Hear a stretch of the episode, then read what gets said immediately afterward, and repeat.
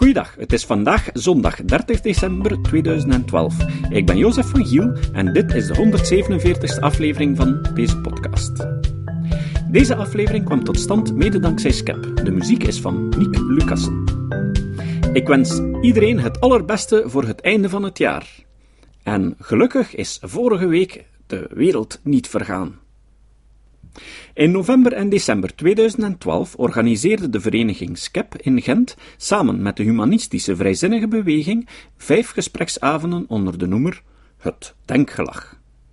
Vandaag horen jullie het eerste deel van de vierde gespreksavond, en die ging over mythes in de psychologie. De deelnemers aan het gesprek waren niet van de minste. Het panel bestond uit Wouter Duik, hoogleraar psychologie aan de Universiteit van Gent en een expert in cognitieve gedragspsychologie. Frederik Anseel, hoogleraar psychologie aan de Universiteit van Gent en expert in de bedrijfspsychologie, meer specifiek in innovatie- en organisatiepsychologie.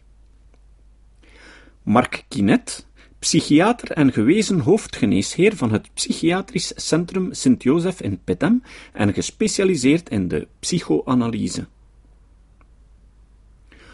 Willem Verbeke, hoogleraar Sales en Account Management aan de Erasmus Universiteit in Rotterdam en gespecialiseerd in neuroeconomie.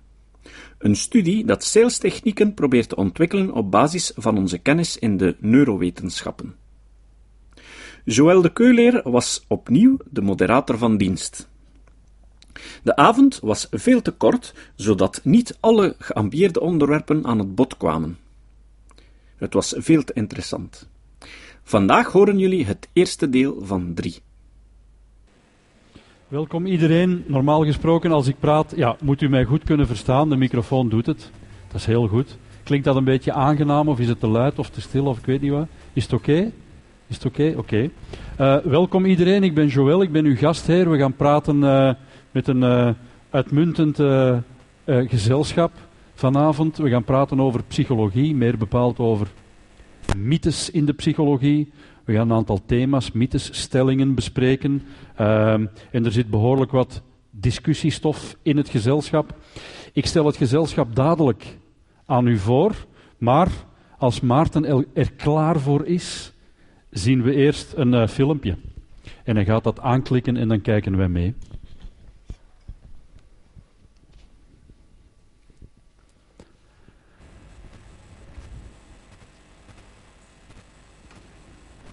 Talking with Woody Allen, we were, we were sort of segueing into the subject of uh, what, what is it? Fifteen years? In, no, thirteen years. Thir- Thirteen years in uh, in classical Freudian psychoanalysis. uh, yes, eight years I was on a couch, and um, five years I was allowed to sit up and face him and, and Uh-huh. chat, and uh, it helped me. I think. I don't know. How, how do you know, really? That's what it's always the big question mark for me is when do you decide I'm done? Ah, that's a good point. I don't know if you're ever really done. I know that certain characteristics about me are different now than they were when I started analysis. I'm I started when I was uh, 22 and I'm 35. So I have age. That's something. Uh, That is progress because yes. it's upward. Yes. Um, yeah. Uh, and I can, uh, when I have sexual relations with someone, I can now think of that person Rather than rather than somebody else, which is an enormous step forward to me. how, how many years did that take? Where did that come in roughly? That just came in last week. Did, can you give any pointers to that thing people always want the answer to? Is how do you decide who's the right analyst for you? Did you dismiss or interview any and then and then reject them? You know. Uh, not me, because I always have blind faith in doctors. You know what I mean? They could do anything they want to me, and I wouldn't know the difference. I, you know, if Yeah. a guy's a doctor, I go in, and and um, whatever he says is okay with me. You know, I have no expertise, medical expertise at all. So, you know, whatever they say is fine, and I I always accept the first of anything. Of course, that's true in, in all walks with me. When I go to buy a jacket, Sure. I buy the first sport jacket, the first automobile, the first, you know, I don't have the patience or the um, the curiosity to find out anything. And you figure the guy knows what he's talking about, even though it isn't necessarily true. Yes, until he was arrested. yes. Then I began to suspect something. Ja. Woody Allen, eh, van wie iedereen weet natuurlijk dat hij eh, zelf jarenlang in analyse is geweest, psychoanalyse. Ehm, daar gaan we het vanavond onder meer over hebben. Ehm, Ik stel even eerst het gezelschap aan u voor. U ziet helemaal voor u links Mark Kinet. Mark Kinet is psychiater, psychoanalyticus, uh, jarenlang hoofdgeneesheer geweest in de kliniek Sint-Jozef in Pittem. En u bent er nog steeds actief in de, in de ja, kliniek? Ja, maar niet meer als hoofdgeneesheer. Ik ben daar verantwoordelijk voor een klinisch-psychotherapeutische afdeling voor angst, stemming en persoonlijkheidsstoornissen. Ja. En ik heb een privépraktijk in Gent. Ja, oké. Naast uh, meneer Kinet zit Frederik Anseel. Frederik Anseel, verbonden aan de Universiteit Gent als hoogleraar in de organisatiepsychologie, mag ik dat zo samenvatten? Um, Waar, zit, waar ligt uw expertise of, of als u heel kort, uh, waar bent u mee bezig? Ja, ik doe vooral onderzoek naar um, selectie van mensen in bedrijven, motivatie uh, van mensen op het werk, uh, beoordelen van mensen. En de laatste jaren ben ik nogal actief geweest, dat is een soort hobby, ehm, met evidence-based management in België op de kaart te zetten, omdat er heel veel gedaan wordt in bedrijven rond human resource management dat niet wetenschappelijk ondersteund is. Ja. En we proberen daar wat aan de kaart te trekken. Oké. Okay. Naast hem uh, Wouter Duik, ook verbonden aan de Universiteit Gent als hoogleraar cognitieve psychologie, met een specifieke expertise in. Goh, mijn onderzoek uh, situeert zich inderdaad binnen de cognitieve psychologie. Dat is ook de tak van psychologie uh, waar de recente boom omtrent de neurowetenschappen het sterkst is. Dus uh, dat is zowat mijn domein. Um, en ik doseer ook algemene psychologie en ben voorzitter van de opleiding psychologie in Gent. Mm. Vandaar uh, ook wel mijn bekommernis over de psychologie uh, in brede zin. Ja, u bewaakt de kwaliteit van het onderwijsaanbod aan de faculteit psychologie. Dat proberen we. Dat probeert u te doen. En uh, last but uh, zeker not least Willem Verbeke, die vanuit Nederland hier naartoe is gekomen. Willem Verbeke is uh, filosoof en ook expert in educational psychology, mag ik dat zo zeggen.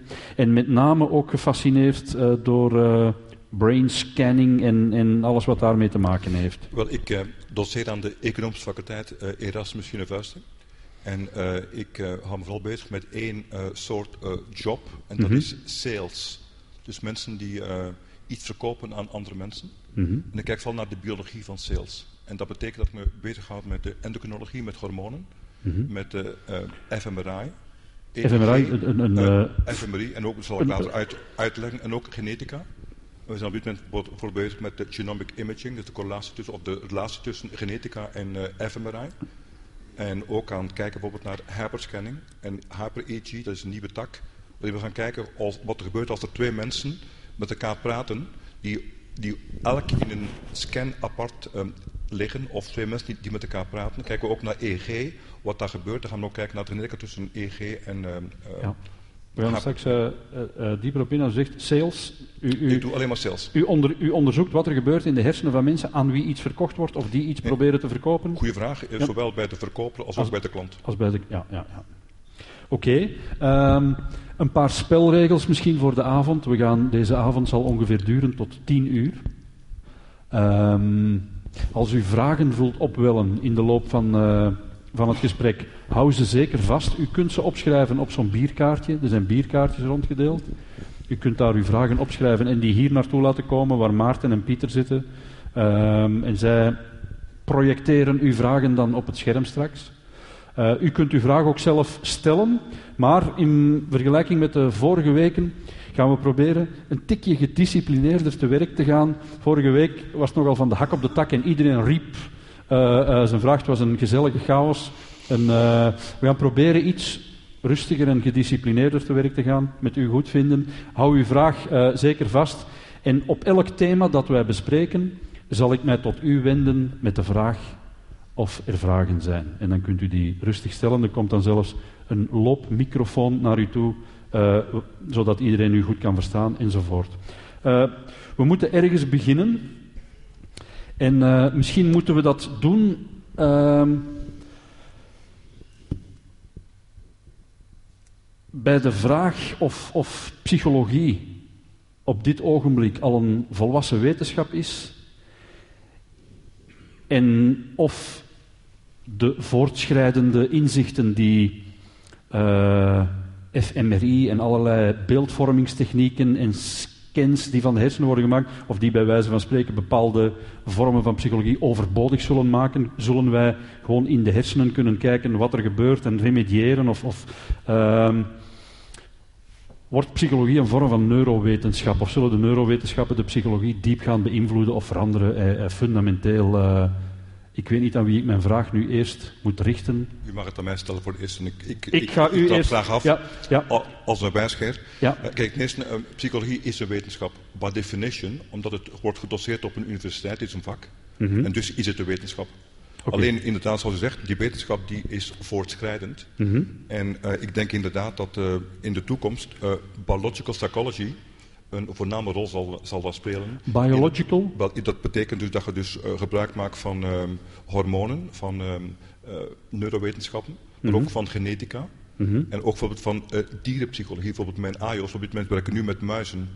Dus dan kijken of we ook een, een analogie vinden tussen muizengedrag en mensengedrag. En daar gaat de psychologie naartoe in, in de toekomst. En wat gaan we dan te weten kunnen komen wat wij nu niet te weten kunnen komen? Dat is een goede vraag. Um, kijk, bijvoorbeeld, um, we weten bijvoorbeeld op dit moment dat uh, de opvoeding van mensen speelt een heel belangrijke rol. Mm -hmm. Ja, wat is nu het effect van de opvoeding op een mens?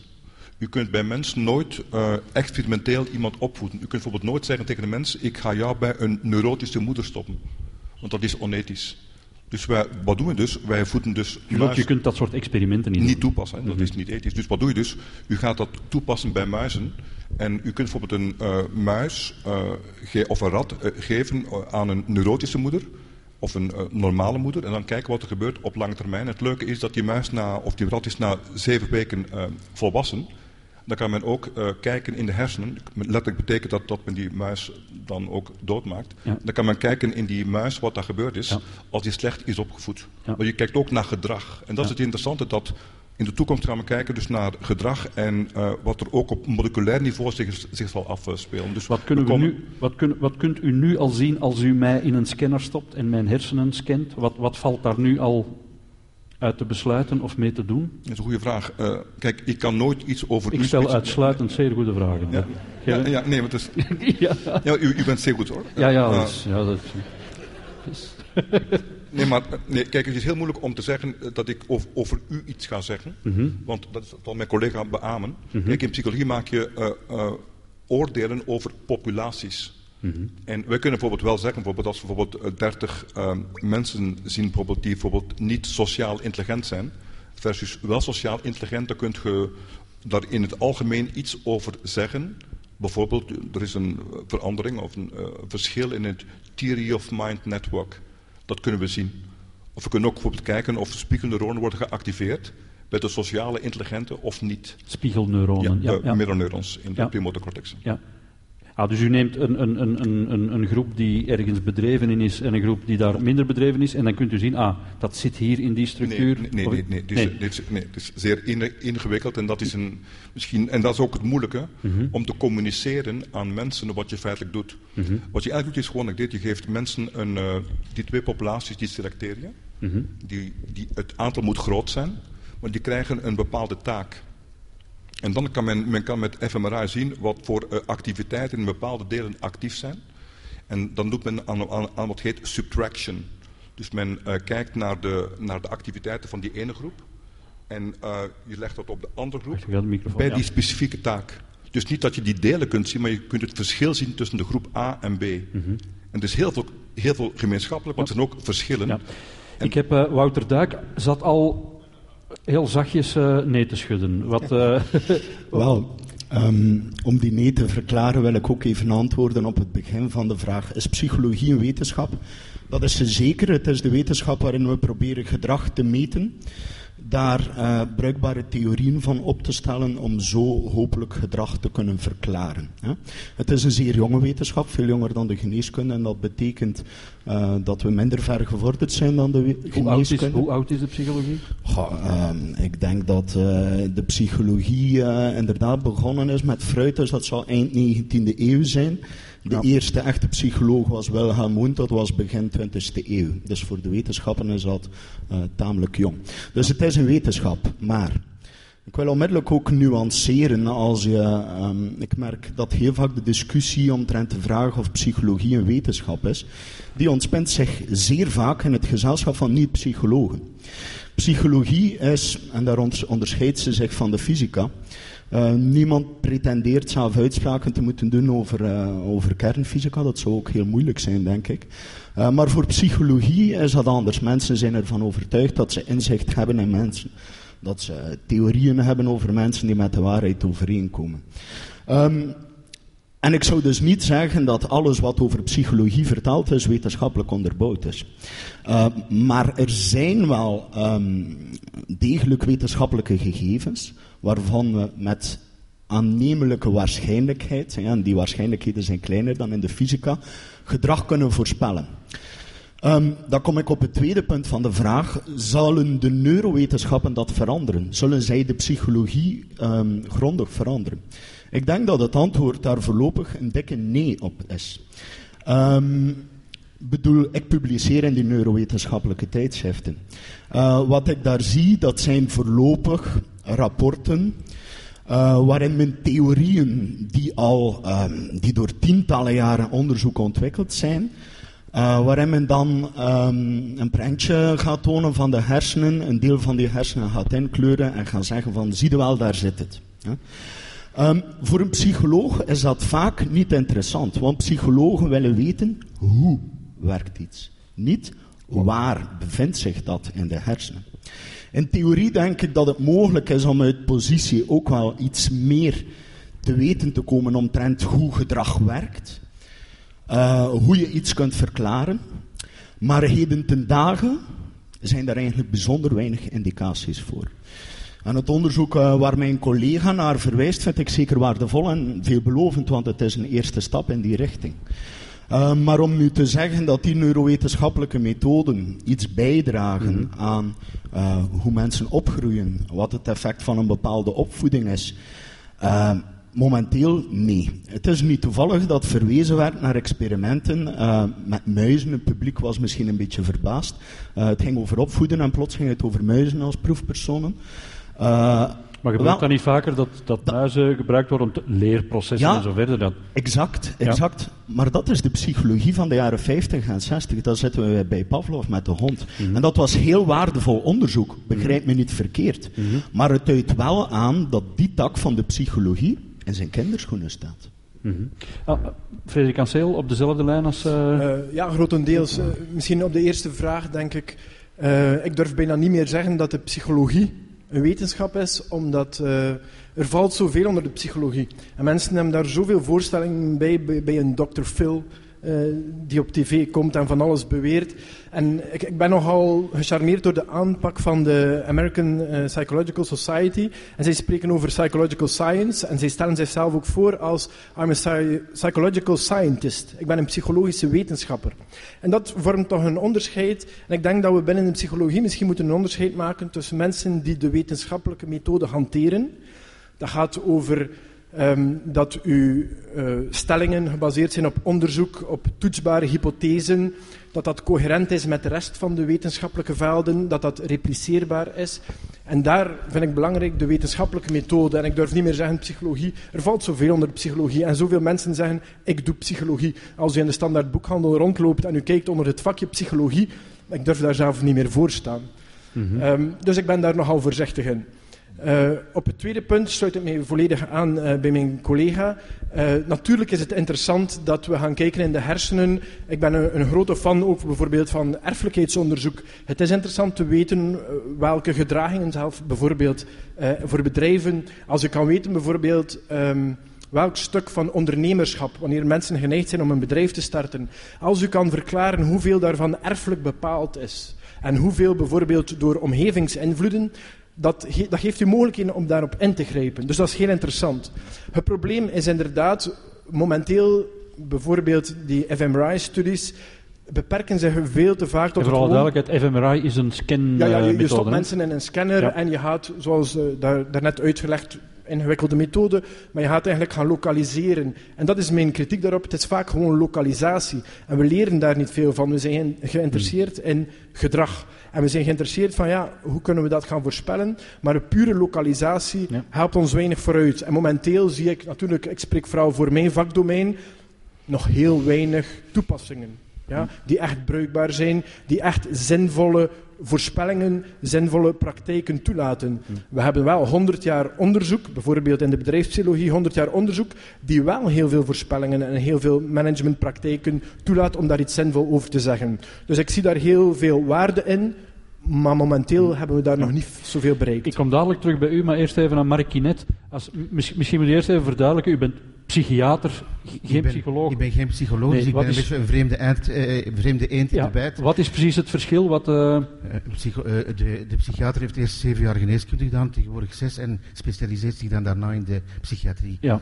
Nu, ik zal op drie dingen reageren. Dus ten eerste, je hebt de institutionele definitie van kunst die zegt uh, uh, kunst is wat in een museum hangt. Dat is een beetje de institutionele definitie van wetenschap die uh, mijn collega hier geeft. Ik denk dat dat een heel, uh, hoe zal ik zeggen, diepgaande vraag is. Wat is wetenschappelijk, wat is niet wetenschappelijk? Eh, ik denk, ja, eh, laten we zeggen, eh, als ik spreek over de psychiatrie en de geneeskunde, dan zit zij, ik zou zeggen, te paard op de geesteswetenschap en de natuurwetenschap. en laat ze zich ook inspireren door de filosofie. En natuurwetenschap en geesteswetenschap hebben een heel andere rationale, mhm. respectievelijk verklaren en begrijpen, cijfers en ontcijfering, teken en betekenis, oorzaak en samenhang. Dat zijn allemaal verschillende logica's en een verschillende rationale die die verschillende wetenschappen kenmerkt. En de psychiatrie en de psychologie en de psychoanalyse is denk ik, zit te paard op de geesteswetenschap en de natuurwetenschap, oncomfortabel te paard en mhm. behoort zich door beide wetenschapsgebieden te laten inspireren. En ik denk, de recente ontwikkelingen, zowel op vlak van neurobiologie als op vlak van evolutiebiologie, moeten inderdaad op een of andere wijze toch geïntegreerd worden, wat niet betekent geïncorporeerd worden, maar toch geïntegreerd worden eh, in, in, in, in de psychologische en in de psychiatrische en psychoanalytische praktijk. Mhm. Dat voor wat het wetenschappelijke betreft. Ja. Eh, laten we zeggen, eh, een andere opmerking, ja, dus die populaties. Natuurlijk, eh, als klinicus, dus de, de psychologie bestudeert populaties. En in feite, de psychiater en de psychoanalyticus bestudeert een individu. Een individu. En in feite, eh, het gaat over de unieke persoon. En eh, de vraag aan welke wetmatigheden dat het psychisch eh, functioneren van dat ene individu beantwoordt. En voor een mhm. stuk zijn dat algemene natuurlijke wetmatigheden. En voor een stuk zijn dat particuliere en psychische wetmatigheden. En het is in feite die beide wetmatigheden die in een samenspel aanwezig zijn in psychologie en in psychopathologie. Mhm. Verwacht u iets van uh, het scannen van hersenen? Denkt u dat de psychiater daar op termijn baat bij zal hebben? Dat dat zal wel, eh, gebruikt worden of dat dat... Wouter Duik gaf daar een relativerende opmerking op. Inderdaad, veel van de eh, neurowetenschappelijke bevindingen illustreren bestaande theorieën en maken ze als het ware een beetje meer hard en een beetje meer geloofwaardig. En ik vergelijk dan altijd met de ongelovige Thomas. Mm ik zou zeggen, het domein van het psychische en het domein van de psychopathologie is bij uitstek onzichtbaar en verborgen. Mhm. En in feite, eh, zelfs met medische beeldvorming, zelfs met functionele magnetische resonantie, geloof ik niet dat men door iemand eh, een foto te nemen, zeg maar, zal kunnen ja, bepalen hoe zijn subjectiviteit in elkaar zit. Mhm. Die subjectiviteit laat zich niet in een beeld vangen. Oké, okay, even, even, even Wat die betekent, ik wil er toch even de nuancering aan mhm. toevoegen, dat er niet heel relevante en interessante eh, gegevens kunnen voortkomen uit de neurowetenschap. Bijvoorbeeld over de functie van het geheugen, over angstsystemen, over natuurlijk ja, eh, onze hersenpan is een vat vol tegenstrijdigheden met links-rechts lateralisatie, met verschillende niveaus in onze hersenen. Dus de controverse en de discussie en de contradictie zijn in onze hersenen legio. Mm -hmm, Nee, klopt. Kijk, eh, gewoon uh, wat ik hoor, hè, dus um, laten we ons niet focussen op fMRI, maar gewoon een klein ding wat ik doe op, op Erasmus. Hè. Wij hebben ons eigen lab gemaakt. Mm Ninbes. En uh, wij uh, hebben een entrepreneur gevonden, misschien een onder, ondernemer, een ondernemer ja. die toevallig schatrijk is en de beste ondernemer is van Nederland. En die sponsort voor ons. Wie is dat? Um, um, Harold Swinkels. Mm. En dit is een miljonair. Mm -hmm. uh, staat in de quote in Nederland. En die heeft aan ons geld, ge geld gedoneerd. En we doen onderzoek naar mijn eigen studenten, maar ook naar verkopers En het gaat niet zozeer over fMRI, maar laten we gewoon nog wat heet spuwen in een buisje. Ja? En dat buisje sturen we naar, naar het lab. We kunnen bijvoorbeeld hun cortisol levels en testosteron meten, maar ook hun oxytocin levels meten. Mhm. En Oxytocine dus, eh, ook. een, oxytocine, ja. ja. Dat is een heel belangrijk hor- hormoon. Ja. En dus dat doen we ook. Dus het is niet zozeer fMRI, dat is heel prettig. Mhm. Maar het, het- gaat over verschillende biomarkers. En dat is het interessante. En daarin hebt u dus gelijk. dat door de biomarkers kunt je ook die eh, psy- psycho- eh, psychische fenomenen harder maken en duidelijker maken. En ook, wat ik denk, eh, veranderen. En misschien beter interpreteren. Dat is een beetje wat Ja. wij doen. En Ik dus zeg- fMRI is ja. maar eentje. Ja, ik zeg Frederik Ans heel even... eh, Ja, bij- bij- ik, ik, ik begreep dat. En, en wat ik meestal zie is dat het inderdaad gebruikt wordt om het wat harder te maken. Maar ik ben niet akkoord dat het gebruikt wordt om het beter te kunnen inschatten. Want ik, ik zie dat vaak zo dat mensen zeggen, bijvoorbeeld, eh, om een ander voorbeeld te geven rond geluksonderzoek. Dan zegt men bijvoorbeeld, ja, dat is heel moeilijk om te weten hoe meet je geluk. En meestal vraagt men het gewoon, hoe gelukkig ben je? En dan gaat men bijvoorbeeld iemand eh, onder zo'n scanner leggen of gaat men cortisol gaan eh, analyseren en dan zegt men van ja kijk, we zien daar een bepaalde correlatie en inderdaad, je ziet waarschijnlijk dat die persoon redelijk gelukkig is. Maar in onderzoek, wat ga je dan gebruiken? Dan ga je het meestal toch vragen. Want je zal niet zoveel meemaken dat iemand zegt ja, ik ben eigenlijk gelukkig en dat je zegt, maar aan je cortisolniveau zie ik dat je niet gelukkig bent. Oké, maar wacht even, dat, Mhm. dat, is, dat is zeer ongenuanceerd. Laten we een klein voorbeeld geven. Hè.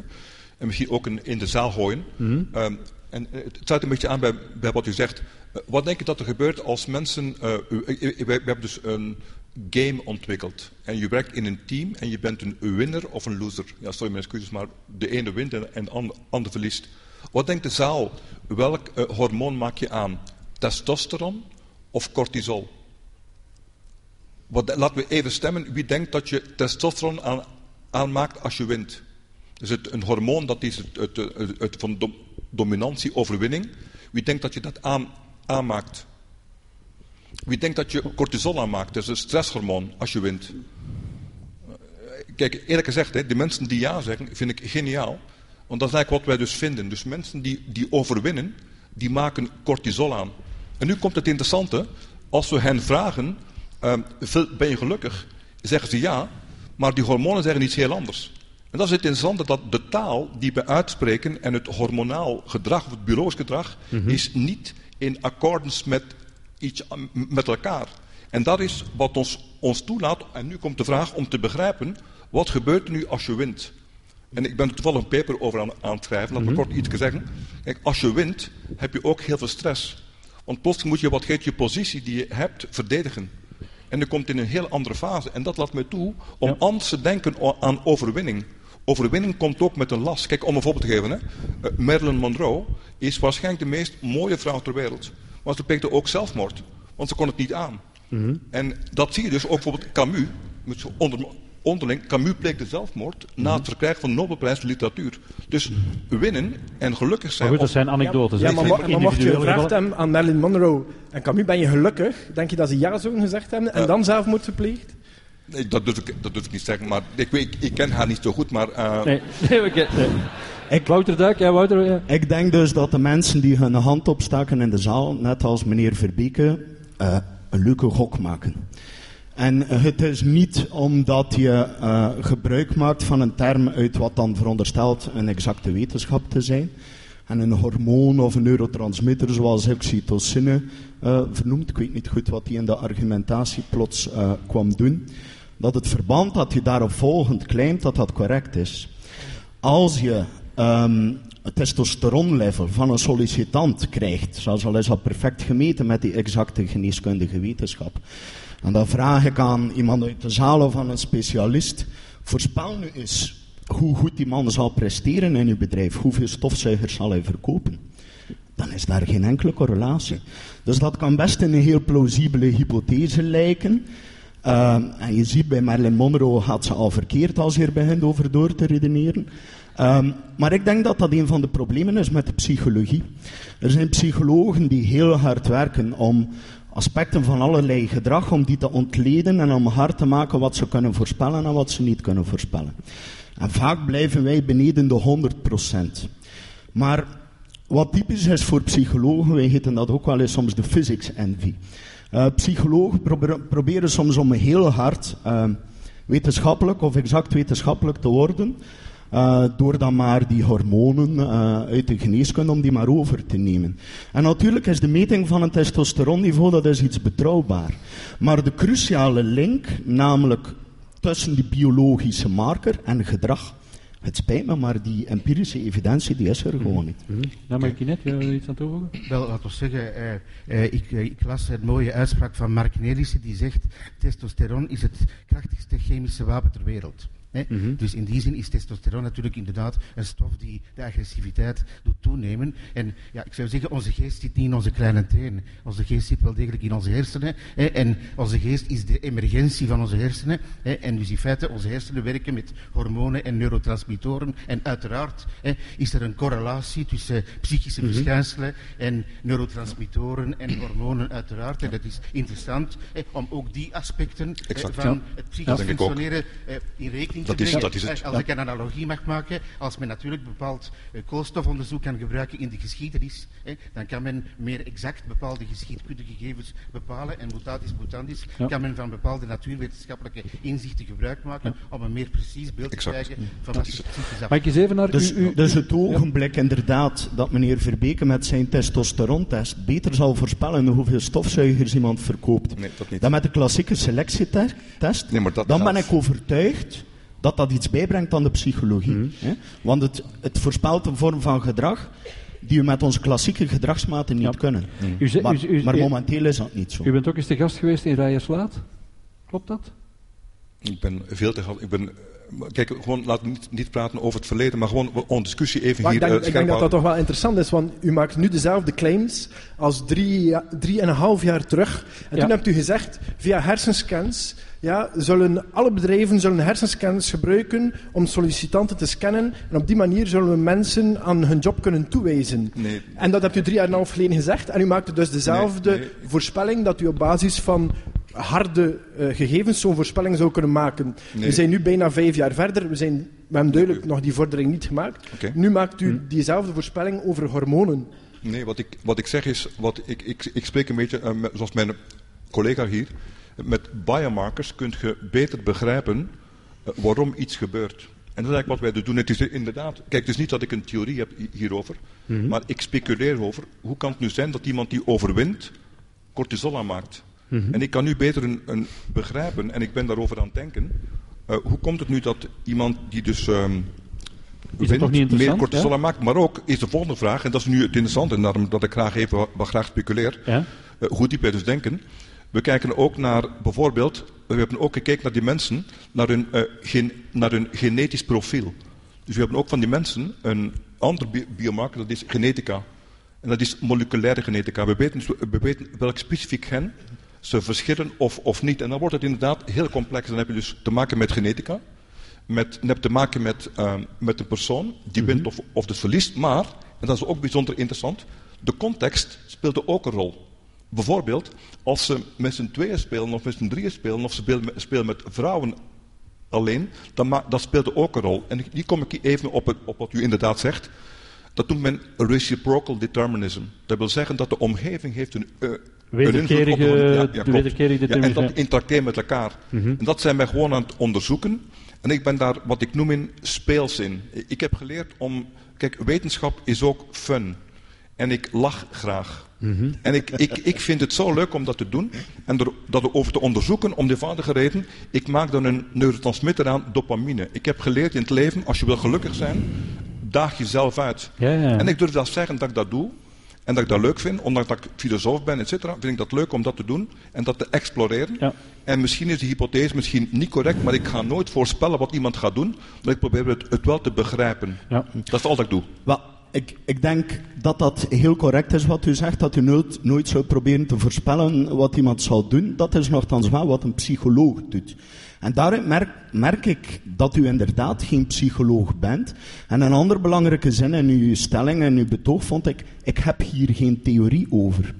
Eh, ik vind dat heel belangrijk. Wetenschappers die hebben wel theorieën. En die proberen theorieën te bouwen waarmee ze gedrag verklaren en vervolgens voorspellen. En het volstaat inderdaad niet ehm, dat je op speelser wijze ehm, een, een aantal hersengebieden, ik ken er ook heel wat, ehm, in het debat gooit Uh, om vervolgens naar hormonen over te stappen en dan naar genetica. Mhm. En daarbij te suggereren dat daar een duidelijk verband is met menselijk gedrag. Ik bedoel, als u, niet, als u geen gedrag wil voorspellen, als u niet wil voorspellen hoeveel stofzuigers iemand zal verkopen op basis uh, van uw testosterontest, wat wil u dan exact wel met die test? En wat verwachten uw klanten die die test afnemen? Uh, wat verwachten zij dat u hen zou zeggen op basis okay, van vraag. die test? Misschien nog heel, like it, like heel even kort een antwoord daarop en dan ga ik naar de zaal. Ja? Kijk, Ja. dat is een goede. Kijk, wat ik dus denk dat wat psychologie doet, is psychologie helpt een mens inzicht te krijgen in zichzelf, waardoor hij meer kan verantwoordelijkheid nemen over zichzelf. Eh, eh, kijk, het is moeilijk, het is heel zwaar om te zeggen, ik ga voorspellen wat die persoon gaat doen. Het is veel interessanter dat ik kan, kan zeggen tot een persoon, kijk een keer, ik heb, u hebt iets geleerd over uzelf, nu kunt u uzelf beter besturen. Nu kunt u zelf beter omgaan met uzelf. Nu kunt u ook zelf een, een, een omgeving kiezen waarin je past. Dus ik ga nooit zeggen wat je moet doen. Maar die informatie geeft mensen inzicht in zichzelf om zichzelf te verbeteren en misschien ook gelukkig te worden. Dat denk ik dus. Ja. Ik ga even naar de zaal. Er is een vraag gesteld bij het binnenkomen. Eh, heeft iedereen een papiertje gekregen met drie vragen daarop? Een van die vragen was... Kun je iemands persoonlijkheid aflezen uit een hersenscan? Van de ongeveer 100 mensen die hier aanwezig zijn, gelooft 63% dat dat mogelijk is. Dus u hebt nog werk aan de winkel. Ik ga even eh, heel kort een aantal, een aantal zeer prangende, kwellende vragen over wat we net besproken hebben, als die bij uw leven mag u ze stellen. Ja, er komt een microfoon eh, naar u toe. Als dat eh, binnen de... Ja, tenzij u een heel krachtige, retorische stem hebt, dan mag u ze zo stellen. Maar ja, er is een microfoon. Ja. Ja, ik kan met of zonder proberen. Ja. Ehm, iedereen was het er blijkbaar over eens dat psychologie een jonge wetenschap is. En de laatste jaren proberen de sprekers een beetje serieus te doen en beroep te doen op wetenschappen die een ingang gevonden hebben in geneeskunde. Maar stuk voor stuk zijn dat wetenschappen die veel, veel jonger zijn dan de psychologie. Hoe bedoelt u dat? Een hersenscan bestond er niet over 100 jaar. Eh, Oké, goeie. hor- hormonenonderzoek, eh, genetica. Mhm. En wat is de vraag precies? een goede vraag. Meneer, frenologie bestond 500, 600 jaar geleden al. Ja, maar En dat- dat De, was de, een de vorm oude, van de de oude geneeskunde. Grieken hebben een theorie Maar gemaakt over persoonlijkheid en Ja. hoe dat het bloed stroomt. Dus men was toen al bezig met de relatie tussen fysiologie en temperament en persoonlijkheid. Dus ja, men is maar daar... die meneer stelt een goede vraag. Ja. Kijk, en dat is het interessante. Kijk, het gaat niet om. Zo, zozeer, kijk, je moet het ook, ook het woord geneeskunde niet gebruiken. Het, het gaat over life sciences. En u hebt compleet gelijk. Over life? Hoe zegt u Eh, over- eh, life sciences. Life, life, levenswetenschappen, biologie. Ah, life sciences. sciences. Levenswetenschap, En ja. de life sciences zijn ontzettend aan het ontwikkelen. Bijvoorbeeld moleculaire ehm, genetica is inderdaad heel jong. En wat wij zien op dit moment is gewoon dit, dat wij moeten leren als psycholoog, of in dit geval als econoom, kijken wij naar die life sciences. Laten we ons, ons heet inspireren door de life sciences. En ik vind dat dat een challenge is. Dat is onze verantwoordelijkheid om er ook eh, van te kunnen leren. En dat is bijvoorbeeld in economie bijvoorbeeld gaat het over neuroeconomics. Dat is het vak dat ik doseer op de economische faculteit. En mijn studenten vinden het bijzonder interessant dat je plotseling niet meer praat over de homo economicus.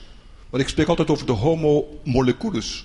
Dat één molecule kan uw gedrag compleet veranderen. Bijvoorbeeld, men weet bijvoorbeeld als men mensen oxytocin geeft, nasal spray, men, men spuit dat, worden mensen ook meer toegefelijk Ja. en hebben ook meer vertrouwen. Dat is ook zo. en dat is de, de revolutie die aan het plaatsgrijpen is. En dat moeten wij wat heet embracen op een speelse manier. Ja. En de theorie hiervoor Ja. is bijna nihil, want het is zo jong. Maar klopt dat niet inderdaad? Dat is, toch- dat is een bekend voorbeeld van als je oxy, oxytocine toedient aan mensen via een eh, neusspray, dat, ze, eh, dat hun gedrag wordt beïnvloed.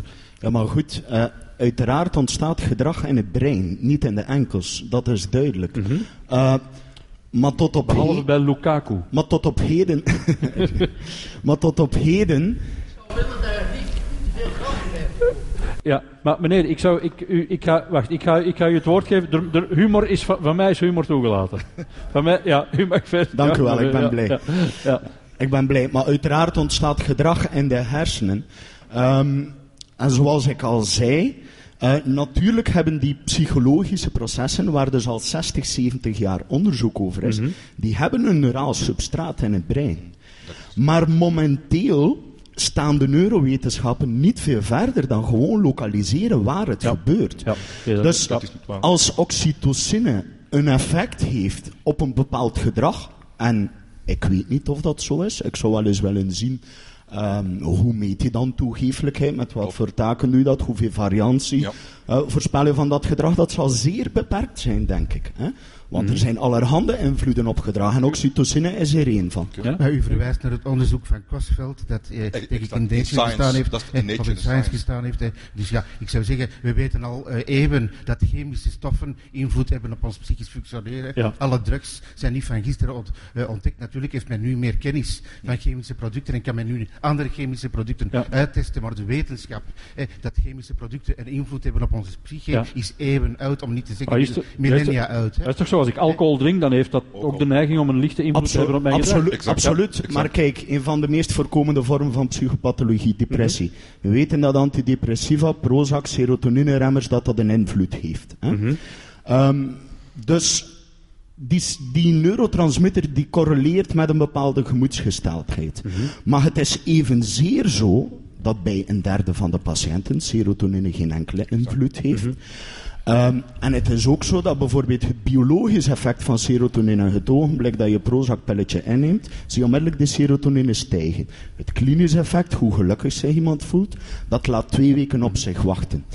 Dus natuurlijk is er een verband met dat neuraal substraat. Maar dat is absoluut geen één-op-één relatie. En het is zeker niet zo dat we gewoon door een snapshot van de hersenen te nemen iets kunnen zeggen, of meer kunnen zeggen over gedrag dan we op basis van klassieke Oké, maten mag ik kunnen. er iets over... Ja, mag ik er even, Eh, mag ik om even, iets om over even aan te vullen misschien, dus het brein functioneert holistisch. Hè? Holistisch, natuurlijk, men kan met functionele mag- magnetische resonantie bepaalde zones in het licht stellen waar een hogere activiteit is dan in andere zones, maar er is overal activiteit. Dat is één. hè. En er zijn tegelijkertijd altijd multiple neurotransmittoren werkzaam. het. Dus in feite, Dat is- dus het brein functioneert holistisch. Ja. En allee, ik zou zeggen, welke beeldvorming men ook gebruikt, hè, er speelt zich enorm veel af, wat men noemt under the radar. hè. Dus er er is enorm veel dat men niet kan zien, dat zich afspeelt under the radar. Dus al die gegevens moeten uiteindelijk toch nog met heel veel reserve worden bekeken. Wat niet blijft, zoals ik zei, bijvoorbeeld het geheugen. Dat men echt ontdekt heeft en in het licht heeft kunnen stellen dat er een impliciet geheugencircuit is en een expliciet geheugencircuit. Dat je snelle angst, angstcircuits hebt en trage angstcircuits, dat heeft natuurlijk ook klinische Ja. relevantie. Exact. Maar dus, de- dus in die zin zijn er wel degelijk neurowetenschappelijke inzichten die klinische relevantie hebben, maar die toch altijd moeten Ja. geïnterpreteerd worden, die niet Ja. lineair kunnen getransponeerd worden van, de van het brein naar de hersenen. Ik heb gedaan van de brein naar de hersenen en ook niet lineair van, de dier naar, van het dier naar de mens. Ja. Dat klopt, maar dat... Ik ga- wacht, ja, maar- maar- Ik, ja, ik zou het, ja, we- ik zou het tempo een beetje... Nee, maar we zijn Nou, goed, bezig, maar we zijn Ik- goed bezig. We zijn heel goed bezig, we zijn heel goed bezig. Maar, er, is nog een, er komt nog een goede vraag aan hier. Luister maar. Ik hoop het. Niet vergeten om voor mij te stemmen in de European Podcast Awards. Het citaat. Het citaat van vandaag komt van Richard Feynman. Feynman zei: Wetenschap is het geloof in de onwetendheid van experts. Tot de volgende keer. Dit was de podcast Kritisch Denken. Vergeet niet om alles kritisch te behandelen, ook deze podcast. Voor verdere informatie over deze podcast, links en voor de tekst, surf naar www.kritischdenken.info. Als je deze podcast belangrijk vindt, kun je me steunen door anderen warm te maken ook eens te luisteren. Stuur een e-mail naar vrienden met een link naar de website en plaats de link in de handtekening van je e-mails. Tevens kun je op iTunes deze podcast een beoordeling geven of een recensie schrijven. Of je kan op je eigen website of blog een link naar kritisch denken plaatsen.